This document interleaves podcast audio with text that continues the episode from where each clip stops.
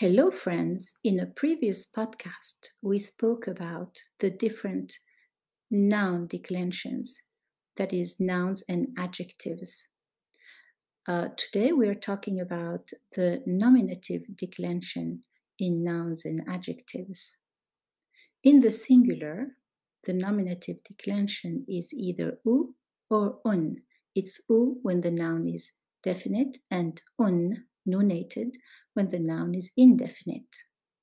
In the dual, the declension is ani, and in the plural, it's una.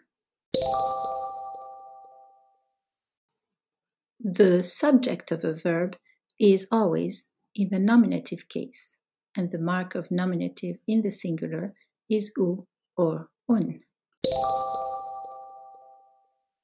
So, for example, if we wanted to say the teacher read, we would say قرأ المدرس.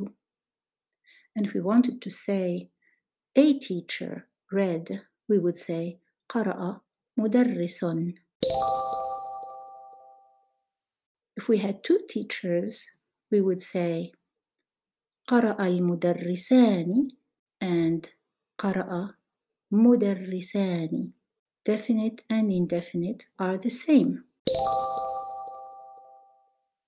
In the plural, we would say قرأ المدرسون or قرأ مدرسون.